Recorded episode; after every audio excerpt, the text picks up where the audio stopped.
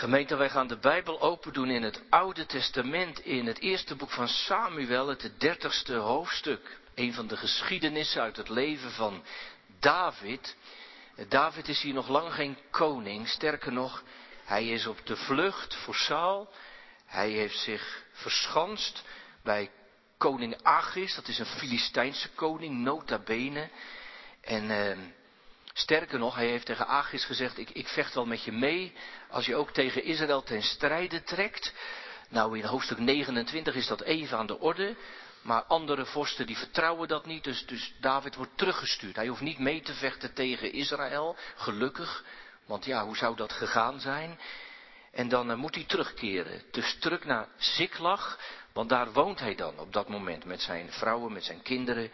Maar dan gebeuren daar of zijn daar verschrikkelijke dingen gebeurd. Dus daar zijn wij in de geschiedenis. 1 uh, Samuel 30. En we lezen tot en met vers 25. Het gebeurde echter toen David en zijn mannen op de derde dag in Ziklag aankwamen, dat de Amalekieten een inval gedaan hadden in het zuiderland en in Ziklag. Zij hadden Ziklag verslagen en met vuur verbrand. En de vrouwen die er waren, van de kleinste tot de grootste, als gevangenen weggevoerd. Ze hadden niemand gedood, maar hadden hem weggevoerd en waren hun zweegs gegaan. David en zijn mannen kwamen bij de stad en zie, die was met vuur verbrand. En hun vrouwen, hun zoon en hun dochters waren als gevangenen meegevoerd. Toen begonnen David en het volk dat bij hem was luid te huilen. Totdat er geen kracht meer in hem was om te huilen. David, Davids beide vrouwen waren ook als gevangenen meegevoerd. Ahinoam uit Israël en Abigail, de vrouw van Nabel uit Karmel. En David werd zeer benauwd, want het volk sprak er over hem te stenigen. De zielen van het hele volk waren namelijk verbitterd over zijn zoon en over zijn dochters. David echter sterkte zich in de Heere zijn God. En David zei tegen de priester Abjatar, de zoon van Abimelech, breng mij toch de efot. En Abjatar bracht de efot bij David. Toen raadpleegde David de Heere en zei, zal ik deze bende achtervolgen? Zal ik ze inhalen? En de Heere zei tegen hem, achtervolg ze. Want u zult ze zeker inhalen en u zult de gevangenen zeker bevrijden. David ging op weg, hij en de 600 mannen die bij hem waren. En toen ze bij de beek Bezor kwamen, bleven de overgeblevenen achter. Maar David achtervolgde hen, hij en 400 mannen. Maar 200 mannen dus, die zo moe waren dat zij de beek Bezo niet konden oversteken, die bleven achter. En ze vonden een Egyptisch man in het veld en brachten hem bij David. Ze gaven hem brood en hij at en ze gaven hem water te drinken. Ze gaven hem ook een stuk van een klomp vijgen en twee rozenkoek, rozijnenkoeken. En hij at en zijn geest kwam in hem terug, want hij had drie dagen en nachten geen voedsel tot zich genomen of water gedronken. Toen zei David tegen hem, van wie bent u en waar komt u vandaan? Toen zei de Egyptische jongen, ik ben de slaaf van een Amalekitische man, maar mijn heer heeft mij achtergelaten omdat ik drie dagen geleden ziek geworden ben. Wij hadden een inval gedaan in het zuiderland van de Geretieten dat aan Juda toebehoort en in het zuiderland van Caleb en wij hebben Ziklag met vuur verbrand. Toen zei David tegen hem, kun je mij naar deze bende brengen? Hij zei, zweer mij bij God dat u mij niet zult doden en dat u mij niet zult overleveren in de hand van mijn Heer. Dan zal ik u naar deze bende brengen. En hij bracht hem erheen en zie, zij lagen verspreid over het hele gebied, eten, drinkend en feestvierend vanwege heel de grote buit die zij meegenomen hadden uit het land van de Filistijnen en uit het land van Juda. David sloeg op en in, van de schemering tot aan de avond van de volgende dag. En er ontkwam niemand van hem, behalve 400 jonge mannen die op kamelen reden en ontvluchtten. Zo bevrijdde David alles wat de Amalekieten meegenomen hadden. Ook bevrijdde David zijn twee vrouwen. Niemand van hen ontbrak. Van de kleinste tot de grootste, tot de zonen en de dochters toe en niets van de buit. Ja, niets van alles wat zij voor zich meegenomen hadden. David bracht het allemaal terug. David nam ook al de schapen en de runderen mee. Zij dreven die voor het eigen vee uit en zeiden, dit is de buit van David. Toen David bij de 200 mannen kwam die zo moe waren geweest dat zij David niet hadden kunnen volgen en die zij bij de beek Bezer hadden laten achterblijven, gingen die David en het volk dat bij hem was tegemoet. David naderde tot het volk en vroeg naar hun welstand. Toen namen alle slechte en verdorven mannen, onder de mannen die met David meegetrokken waren, het woord. En ze zeiden, omdat zij niet met ons opgetrokken zijn, zullen wij hun niets geven van de bui die wij gered hebben. Maar aan ieder alleen zijn vrouw en zijn kinderen teruggeven. Laten zij die meevoeren en weggaan. Maar David zei, zo moeten jullie niet doen, mijn broeders, met wat de Heere ons gegeven heeft. Hij heeft ons bewaard. En hij heeft de bende die op ons afkwam in onze hand gegeven. Wie zou in deze zaak naar u luisteren? Want zoals het deel is van hen die mee ten strijde getrokken zijn, zo zal ook het deel zijn van hen die bij de bagage gebleven zijn. Zij moeten samen delen. En dit is van die dag af en voortaan zo geweest. Want hij heeft er tot een verordening en bepaling ingesteld in Israël tot op deze dag. Wij zingen na de preekpsalm 72, het zevende vers. Nooddruftige zal hij verschonen. Mooi woord vindt dat, dat het nooddruftig. Daar zit iets in van, je bent in nood of je hebt gebrek. Eh, of je kunt het alleen niet. Nooddruftige zal hij verschonen die, die zal hij vrijhouden, die zal hij bevrijden aan armen uit gena, zijn hulpen ter verlossing tonen, want hij slaat hun zielen ga. Nou, u begrijpt, dat slaat natuurlijk helemaal ook op 1 Samuel 30. Maar ik hoop dat het ook helemaal op u slaat, op jezelf. Dat het je eigen lied wordt als we dat zingen. En we zingen ook vers 11, dat hoort er wel bij. Zijn naam moet eeuwig eer ontvangen, want hij doet het vanwege zijn machtige naam. Dus uh, Psalm 72, vers 7 en 11, meteen na de preek. Gemeente, ik heb eerst een vraag aan de jongens en de meisjes of ze een bepaald lied kennen. Kennen jullie het liedje Voorwaarts Christenstrijders? Nee, daar was ik al bang voor. Dat is eigenlijk een heel ouderwets liedje, jongens en meisjes. Maar toen ik zo klein was als jullie, zongen we dat heel vaak. Tenminste, ik zong dat heel vaak. Dat ging over voortwaarts christenstrijders. Dan, dan was je zeg maar een, een soldaat in het leger van de Heer Jezus. En, en het was ook gewoon een leuk liedje. En ik vond en het liedje leuk. En, jongens en meisjes, ik wilde dat wel. Ik wilde best wel heel graag een soldaat worden. In het leger van de Heer Jezus. Altijd maar achter hem aan en met hem meedoen. Zou, jij dat eigenlijk willen? Het is een kindje van de Heer Jezus zijn, maar ook zijn soldaat zijn. zodat je hem helpt hier op aarde om te vechten tegen alle verkeerde dingen. Ik hoop het eigenlijk. Voorwaarts christen strijders. Gemeente, als je natuurlijk wat ouder wordt, ga je iets meer van dat lied begrijpen. Van, van de inhoud en, dat we geroepen zijn te strijden. Dat er, dat er vijanden zijn om tegen te strijden. En ik moet eerlijk zijn, gemeente, toen ik wat ouder werd.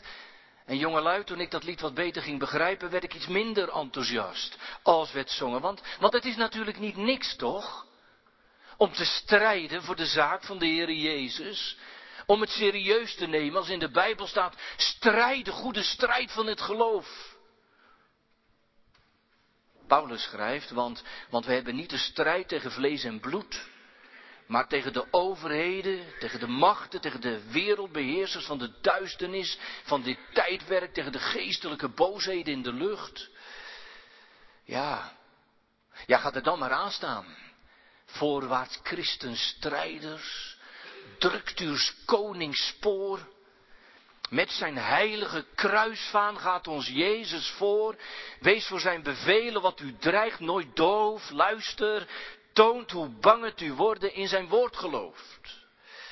Ja, maar dat is nogal wat toch? Gemeente, een christen staat daadwerkelijk in het strijdperk van dit leven.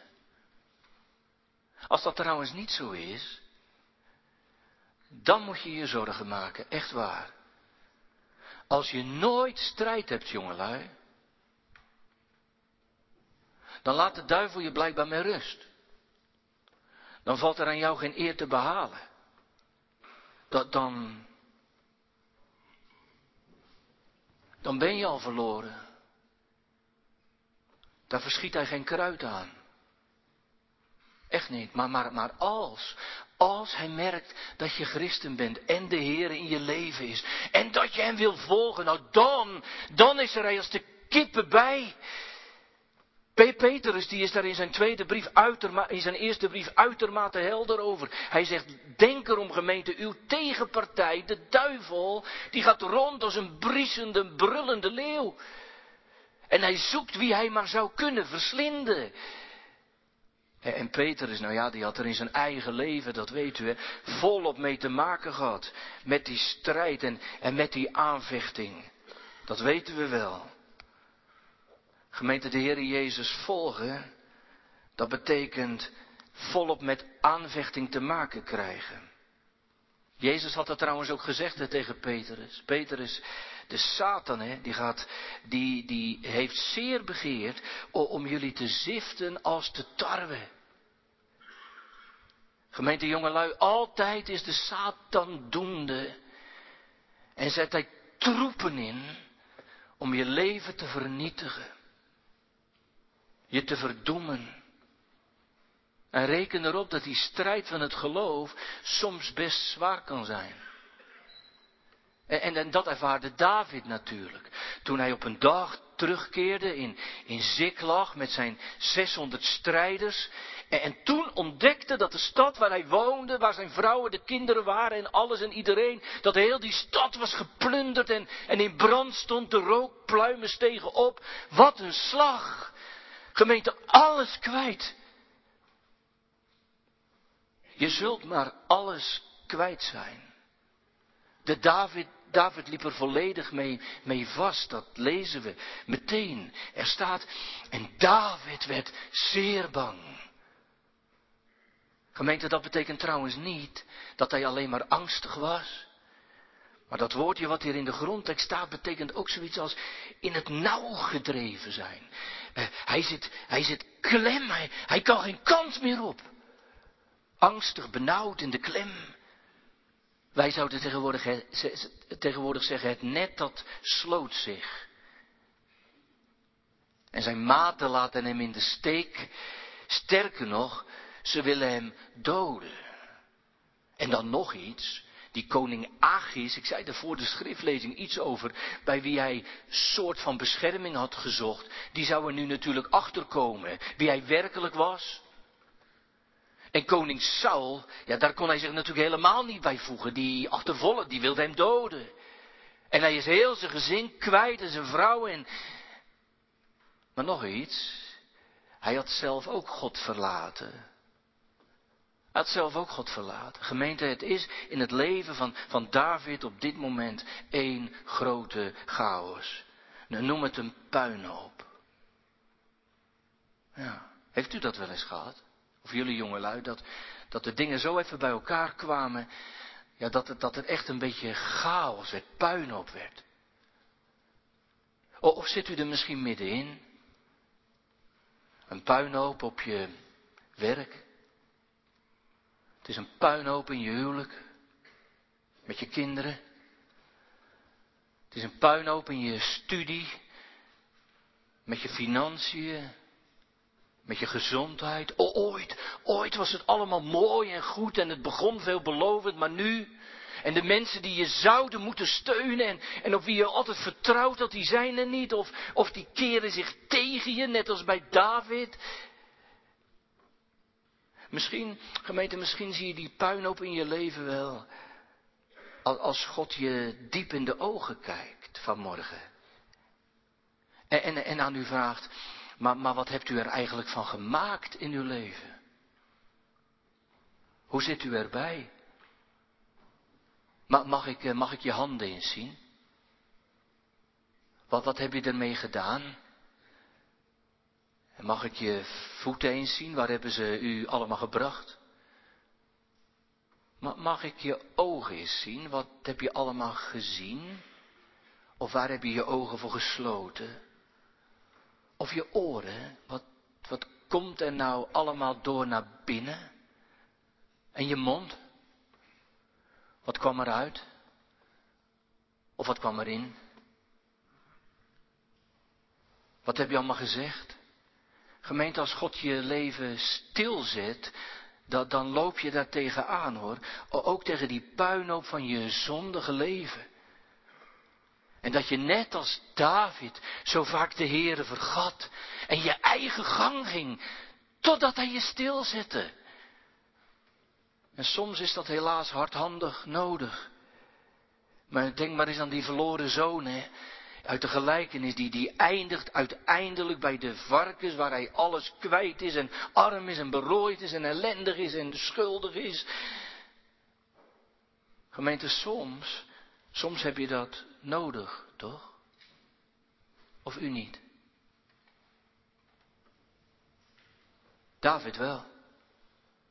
Wat hij, wat hij hoofdstukken lang niet had gedaan, zien we hem nu ineens weer doen.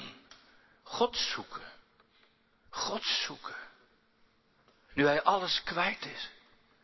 God zoeken omdat hij geen andere uitweg meer weet. Hij heeft niks meer, lezen we. Maar David echter sterkte zich in de Heere zijn God. Nu, nu hij aan alle kanten zijn, God, zijn machteloosheid voelt, zoekt hij de Heere weer op. Ja, zegt iemand vanmorgen in Nabijland. Nu wel, hè? Nu wel dus. Net niet, zei u dus, hoofdstukken lang niet, nee. En nu wel, ja. Maar nu zit hij in de penarie. Nu, nu heeft hij natuurlijk, nu hij in de problemen zit, heeft hij, heeft hij God weer nodig. Ja. Ja. En blijkbaar mag dat van de Heer. Want die ene psalm is echt helemaal waar, gemeente. Zalig hij die in dit leven Jacobs God ter hulpe heeft. Hij die door de nood gedreven zich tot hem om troost begeeft. Deden de mensen dat ook niet bij de Heer Jezus dan? Denk aan die blinde man in Jericho of, of die Canaanese vrouw van wie het dochtertje van de duivel bezeten was. En zij riepen tot de Heer Jezus in hun nood, gij zonen David, ontferm u onze, ontferm u mijner. Maar gemeente, dat is niet het meest opmerkelijke hoor. Het meest opmerkelijke is niet dat, dat mensen in hun nood tot God mogen vluchten. We weten wat het meest opmerkelijk is. En het meest genadige dat er blijkbaar een God is, waar we steeds weer mogen aankloppen. Dat er in de draaikolk van je wanhoop en je nood altijd weer een deur is, die open gaat en open staat. En weet u waar dat in zit? Dat zit hem niet in ons bidden of, of in onze vroomheden, of, maar dat zit hem in de naam van God. David noemt die naam ook hier in de Bijbel. Hij richt zich op de Heere, staat er. Hij sterkt zich in de Heere. En u ziet in uw Bijbel, jongelui, dat zien jullie ook. Het staat met allemaal hoofdletters, hè. Dat, dat, dat is natuurlijk een naam van betekenis. Heere met hoofdletters gemeente, dat is, dat is de naam die God aan Mozes bekend maakte bij de braambos. Die, die naam die betekent, ik ben de getrouwe. Heere gemeente, dat betekent ik blijf op mijn post. Als jij je post al lang verlaten hebt. Heere betekent ik hou mijn woord als jij je woord al lang gebroken hebt. Jongelui, Heere betekent ik heb de deur voor je openstaan, terwijl jij die deur al lang hebt dichtgeworpen. Mooi vindt u niet? Heer, de getrouwe, de ik zal zijn die ik zijn zal, de ik ben. Gemeente, midden op die puinhopen van het leven, waar wij geen kant meer op kunnen, is daar een weg naar het vaderhart. Omwille van hemzelf. Omdat God zelf op die puinhoop van ons leven een deur van hoop opende. En dat deed hij in zijn zoon Jezus Christus. Weet je waar het kruis stond? Op een puinhoop. Een puinhoop die Golgotha heet. En bovenop die puinhoop is de Heer Jezus Christus geklommen. Op die puinhopen gemeente van uw en van jou en van mijn bestaan. En Jezus deed dat niet om er nog iets van proberen te maken. Om je daar nog een uitweggetje te bieden of zo. Maar, maar om voor u en mij een, een deur van hoop te openen. Voor hem ging de deur dicht. Radicaal dicht.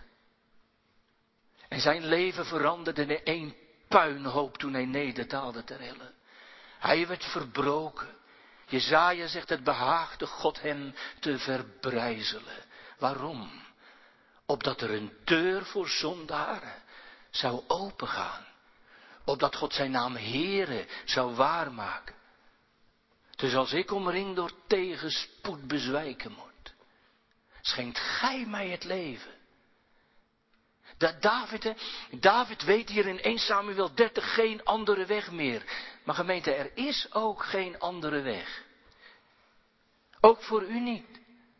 En ook voor jou niet. Hier vind je kracht voor vandaag en blijde hoop voor de toekomst. Hij is de weg. Het staat er eigenlijk best mooi, hè? Kijkt u maar. David sterkte zich echter in God. Sterkte. Dat, dat is zo'n tegenstelling met hoe hij zich op dat moment moet hebben gevoeld of hoe hij was. Hij was zwak, hij was schuldig, hij was moe. Hoort er allemaal bij. En dan vindt hij kracht in God. Nee, nee, nee, nee. Dan is er nog niks opgelost, hè. Dan, dan roken de puinopen nog, dan is er nog geen vrouw of kind te bekennen. Maar hij sterkt zich echter in de Heere, zijn God gemeente. Wat hebben wij, wat hebben we dat steeds weer nodig als we de weg van de Heere gaan? Kracht om op de been te blijven. Kracht van Hem. Nee, niet je rug rechten. Niet in je eigen kracht gaan staan, hoe prachtig dat ook soms kan werken. Maar bovenal in de kracht die God me geeft. Wij zijn zwak. Maar bij Hem is kracht. En in het Nieuwe Testament staat dat God zijn kracht in mijn zwakheid vervult. Er is kracht, kracht, wonderbare kracht in het dierbaar bloed van het lam. Hij sterkte zich in de Heer. Heeft u dat wel eens gedaan? Dat je je echt mocht sterken in de Heer, je God. En er was nog niks opgelost en er was nog geen uitzicht te bekennen. En je voelde je nog net zo beroerd als daarvoor. En toch, in God is al mijn heil, mijn eer, mijn sterke rots en mijn tegenweer. Dat is je sterke. Sterk is trouwens een heel mooi woord hier in het Hebreeuws gemeente. Dat woord kan namelijk ook vertaald worden niet alleen met sterke, maar ook met je vastklemmen. Dat vind ik wel mooi. Ergens aan vastgemaakt worden. Je vastklampen. Jongens en meisjes, ik moest, ik moest denken aan, uh, aan opladers. Hebben jullie thuis toch ook opladers? Voor je telefoon en voor je switch. En uh, voor het scheerapparaat van je vader. Sommige dingen thuis, die moet je steeds opladen. Nou, uh, soms merk je dat de batterij bijna leeg is, toch? Dan gaat er een lichtje knipperen. Of sommige dingen doen het ineens niet meer. Uh, of je kunt niet verder spelen. En wat moet je dan doen, jongens en meisjes? Nou, zeg je, dat is toch makkelijk. Dan moet je de oplader pakken, die moet je in de stopcontact steken. En de andere kant moet je dan in je switch steken of in je telefoon. Ja, zo moet het. En dan? Nou zeg je, dan laat die op en moet je even wachten. Weet je, mensen, kinderen, moeten soms ook aan de oplader. Wist jij dat? Wist je niet, hè? Maar het moet wel echt waar. Soms moet ons hart aan de oplader. Dan moeten we vastgemaakt worden aan de Heere God zodat er geloof komt in je hart, zodat de Heer Jezus blijft in je hart, zodat je zonden vergeven gaan worden. Weet je waar dat allemaal gebeurt? Weet je waar je aan de oplader bent? Hier, in de kerk. En als je groot bent, als je aan het avondmaal gaat, en als de Bijbel open gaat en als je bidt, moet je onthouden, dus alles wat je doet samen met de Heer, dan ben je aan de oplader. En hoe dichter je bij de Heer blijft, hoe voller je hartje zit. Is mooi, gemeente. Dat is sterk te vinden in de Heer, midden in de strijd. Dat is je, dat is je knieën eenvoudig buigen en, en je vastklemmen aan die adapter, aan de Heer zelf. Aan Hem worden vastgemaakt opdat je gevuld wordt. Misschien heeft u dat wel gedaan. Misschien heb je dat wel gedaan toen je, toen je niet meer tegenop kon in het leven, toen je, toen je niet meer wist hoe het verder moet. En je zocht de stilte. Heb je dat gedaan? Heb je dat was gedaan, jongelui? Dat je de stilte zocht. En je zocht God en je buigde je knieën. En je deed je Bijbel open. En, en je ontving kracht in je kruis. Kracht in je moeite. Kracht in je zorgen. Net als David. Echt. David kreeg op een wonderlijke manier kracht, hè. David sterkte zich in de Heere zijn God. En weet u wat dat feitelijk betekende? Dat gesterkt worden. Kijk, kijk, weet u, misschien, misschien herinnerde de Heere God David er wel aan wie hij voor zo'n ontrouwe David altijd gebleven was. Want ik zei het u net al, de tijd daarvoor had David nou bepaald niet dicht bij God geleefd. Hij had zijn eigen boontjes gedopt en zijn eigen weg gekozen. En, en, en hij was onafhankelijk van God geworden. Misschien, misschien kwam dat wel terug. Ik denk het wel. Be besefte hij dat weer? Dacht hij, dacht hij weer terug aan, aan die woorden van God? In ieder geval, in ieder geval trekt hij zich weer op aan de Heere. Hij sterkte zich in de Heere zijn God. Zo gaat het wel eens, toch? Gemeente, zo gaat het wel eens. Soms moet je eerst iets meemaken van de strijd, om dan weer te ontdekken dat er kracht bij God is. Dat zijn niet eens de slechtste tijden in je leven. Dat er hoop is in alle omstandigheden, ook, ook als de omstandigheden nergens op lijken. Jongelui, geloof is niet Geloof is niet dat je meteen in de gloria bent en, en dat je meteen de wereld eh, door een roze bril ziet. Wie heeft je dat verteld? Wie heeft je dat welvaartsevangelie laten geloven dat God altijd een klinkende munt uitbetaalt? Dat is niet waar. In deze wereld moeten we gaan door een wereld die zondig is en vol schuld is. En je hebt de strijd met jezelf en met de duivel. En met alles wat erbij is. Maar weet je wat het wonder is? Als God je hoop geeft, is dat te midden van die omstandigheden. En dan krijg je kracht in je kruis. En dan komt er hoop, een toekomst vol van hoop. In, gedachten, gemeente, in gedachten zag ik tijdens het maken van de preek Paulus in de gevangenis zitten. Hij, hij zit dan vastgeketend aan een, aan een Romeinse soldaat. En dan, dan schrijft hij, op dat moment, schrijft hij zijn brief aan de gelovigen in Efeze. En wat schrijft hij dan op? Als je een brief schrijft, terwijl hij van een kant op kan. En terwijl hij op de puinhopen van zijn leven zit. Schrijft hij dan op, jongens, ik heb het, ik heb het best zwaar, het is hier koud eh, binnen en ik zit vast aan een soldaat. En weet je wat hij schrijft? In de Efezebrief. God is bij machten te doen ver boven alles wat wij bidden of denken, overeenkomstig de kracht die in ons werkzaam is. Hoort u dat? Hoort u dat? Jongelui, hoor je dat? Dan zit je vast aan alles gevangen, je kan geen kant op. De wereld zegt, wat een zielige man. En wat een dwaas evangelie. En Paulus zegt, God is bij machten te doen verre boven bidden en wat wij wensen. Door de kracht die in ons werkzaam is. Geen, gemeente, geen berg te hoog. En geen zee te diep. En geen crisis te ingewikkeld. En geen oorlog te ernstig. De Heere regeert. Gemeente, dat, dat geeft je toch kracht. Dat geeft de gelovigen toch moed. Of niet? U moet het zeggen. David put er kracht uit. Doet u dat ook? God die machtig is, hij die doet wat hij belooft. Dat hij al datgene wat hij je in de doop heeft meegegeven, niet als een soort los bijlegvelletje meegaf in je leven, maar als een belofte waar je op terug mag komen. En als je daarop vertrouwt en in gelooft dat niets en niemand dat kan tegenhouden. Het is pas een vormingsdag geweest, hè? Vinden wij natuurlijk een mooie vormingsdag. Maarten Luther, 95 stelling op de slotkapel in Wittenberg. Maar, maar gelooft u maar dat het een moeilijke tijd was. Waar je moest vrezen voor je leven. Maar uh, Luther zingt een lied. Hij zegt, een vaste burcht is onze God, een toevlucht voor de zijne. Al drukt het leed en al dreigt het lot, hij doet zijn hulp verschijnen. Want er staat ons een sterke held terzij, die God ons heeft verkoren. En vraagt gij zijn naam zo weet, dat hij de Christus heet.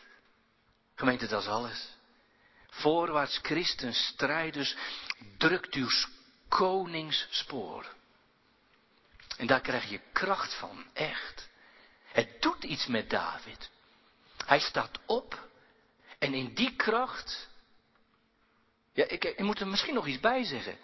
Die, die jongens waren doodmoe, dat blijkt straks wel, want van die 600 mannen blijven er straks 400 bij de beek Bezor achter, omdat ze niet eens meer het water over kunnen. Dus de jongens zijn doodmoe, ze zijn super verdrietig. En dan staat hij op. En in die kracht kan hij de vijanden te lijf. Gemeente, dat noemen wij de wapenrusting van het geloof. Nou, er zit wel nog iets tussen trouwens. Dat vind ik mooi in deze geschiedenis. Eerst vraagt David toestemming aan de Heer, dat laten we weer, via de eh, priester Abjatar. Dat is trouwens wel mooi. Wij zouden zeggen, ga eerst naar de kerk of, of naar de dominee, of weet ik naar wie hij gaat. Daar leren we iets van. Gemeente, je kunt, je kunt je wel gesterkt voelen. En denken dat je de strijd aan kunt. Maar moet dat dan ook van de Heer? Is het uw taak? Is het zijn wil? Kijk, soms, soms gemeente strijden we in de kerk wel eens ergens voor of tegen. Ja, dat hebben we nou bijland ook wel gedaan. Ergens voor of ergens tegen. Het moet ook wel, je moet ook wel strijden. En, eh, en we zien daarin een roeping. En wij varen de kracht van God daarin, maar dan nog blijft de vraag, is het ook Gods strijd? Wil Hij dat zo? En moet u dat dan wel doen?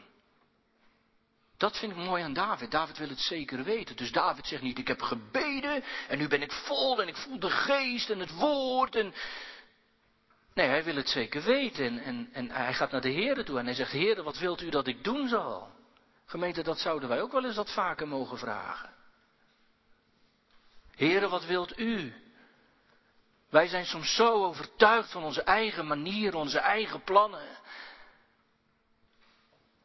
Maar hoe weet u zo zeker dat het van God is? Ja, zegt u, maar ik voel dat in mijn hart. Ja? Voelt God het ook in zijn hart? David krijgt een antwoord.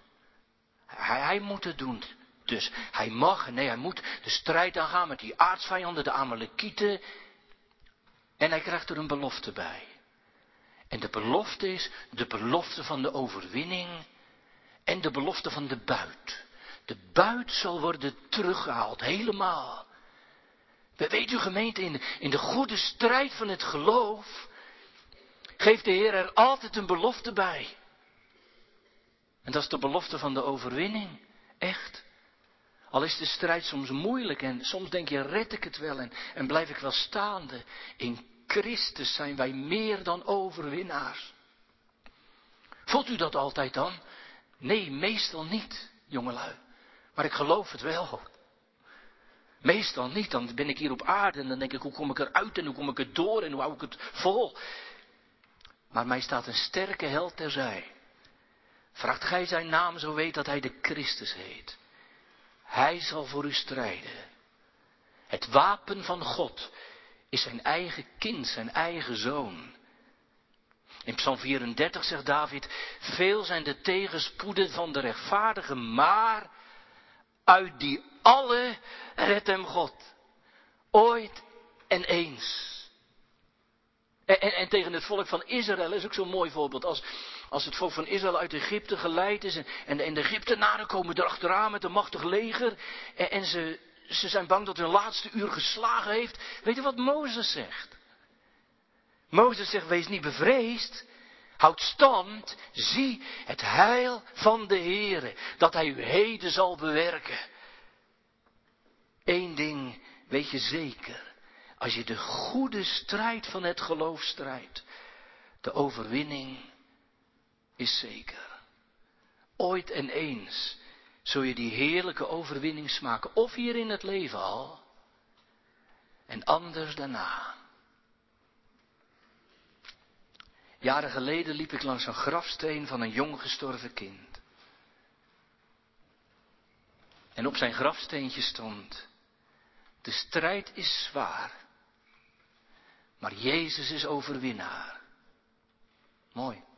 Nee, nee, nee, nee, gemeente, dat betekent niet altijd dat die strijd vanzelf gaat. Misschien is dat je eigen ervaring ook wel. Je wil strijden voor je geloof. Je wil volhouden. Je wil tegenstand bieden, jongelui, tegen verleiding. Maar het gaat niet vanzelf. En, en als je niet oppast, dan, dan verlies je de moed. Dat dat met David toch ook gekund. Hij heeft maar nauwelijks die Amalekieten bereikt of een derde van zijn leger haakt af. 200 man, hij had er 600, 200 haken af. Ze kunnen niet meer, ze hebben geen energie meer. Ze... Het gaat niet. En, en, en als ik aan die 200 denk, dan begrijp ik ze wel een beetje. Die mannen zijn moe. En die zijn zo verdrietig. En die zijn al dagen onderweg. Ze, ze kunnen het niet meer. Het, het is op. Ja, zo, kan het wel eens. Hè? Het kan ook wel eens in je leven helemaal op zijn, klaar zijn. Dat je de energie niet kunt opbrengen om nog verder te gaan, om nog verder te strijden. Misschien bent u wel zo iemand en word je een beetje moe van deze preek. Ben je zo iemand die zegt, ja eh, dominee, ik, ik kan er soms gewoon niet meer tegenop in die geloofstrijd. Ik vind het echt zo moeilijk. Natuurlijk, je wil voor de goede zaak strijden. Je wil er alles mee aan doen. Je bent goed op weg gegaan. Je bent vol goede moed in de naam van de Heer Jezus achter hem aangegaan. Je, je deed beleidenis. Je, je probeerde het in je gezinnen. Maar ja, je kon het gewoon allemaal niet volhouden. Wie weet waardoor, je bent gewoon moe. Dat kan. Opgebrand. En teleurgesteld. Misschien wel verdrietig, net als deze 200 mannen. Weet u, weet u wat ik zo ontzaglijk mooi vind aan deze geschiedenis? Dat ze, dat ze van David bij de beek waar ze dus aan zijn gekomen, mogen blijven. David weerhoudt ze niet en geen woord daarover. En rekent u erop dat dat wellicht wel voor David een beproeving is geweest? Denkt u dat dan niet? Ze waren al zwaar in de minderheid en, en nu. Maar weet u, ik denk dat David zo overtuigd is van de kracht van God, dat het ook wel met minder kan. Nee, gemeente, gelovigen, die tellen niet altijd met hoeveel ze zijn. Wisten jullie dat, jongelui? Wij tellen niet altijd met hoeveel we zijn. Maar hoeveel kracht we hebben. Een christen, de ware kerk van God, heeft geleerd op God te zien, toch? En met Hem te rekenen. En gemeente, met onze God terzij, ben je altijd met meer. Hij zal zijn engelen gebieden dat ze u bewaren in al uw wegen. U denkt toch niet dat de Heer dat dan niet doet? Dat wist Jonathan ook wel toen hij samen met zijn wapendrager eh, ten strijde trok tegen de Filistijnen. Dan zegt hij, het is voor de Heer niet te moeilijk om te verlossen door veel of weinig mensen. En Elia, die stond in zijn eentje tegenover 450 Baalpriesters. En Gideon, die stond met 300 mannen tegen een enorm Midianitisch leger. Maar met de Heer ben je altijd meer. Zult u het onthouden? Met God ben je meer. Misschien neemt de Heer, net als bij, bij, bij David, misschien neemt de Heer wel eens wat slagkracht van je af. En je voelt je nog zwakker en kleiner en kwetsbaarder. Maar weet u wat de Bijbel zegt? als ik zwak ben, dan ben ik machtig. Waarom? Omdat het Christus is die mij kracht geeft. Hij zal voor mij strijden. En daarom ben ik sterk in de Heer.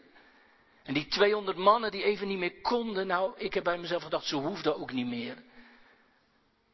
Niet iedereen heeft de even grote strijd, gemeente. Soms, soms houdt de Heer je even uit de wind. Dan gaat het even niet, dan ben je een vermoeide en een belaste.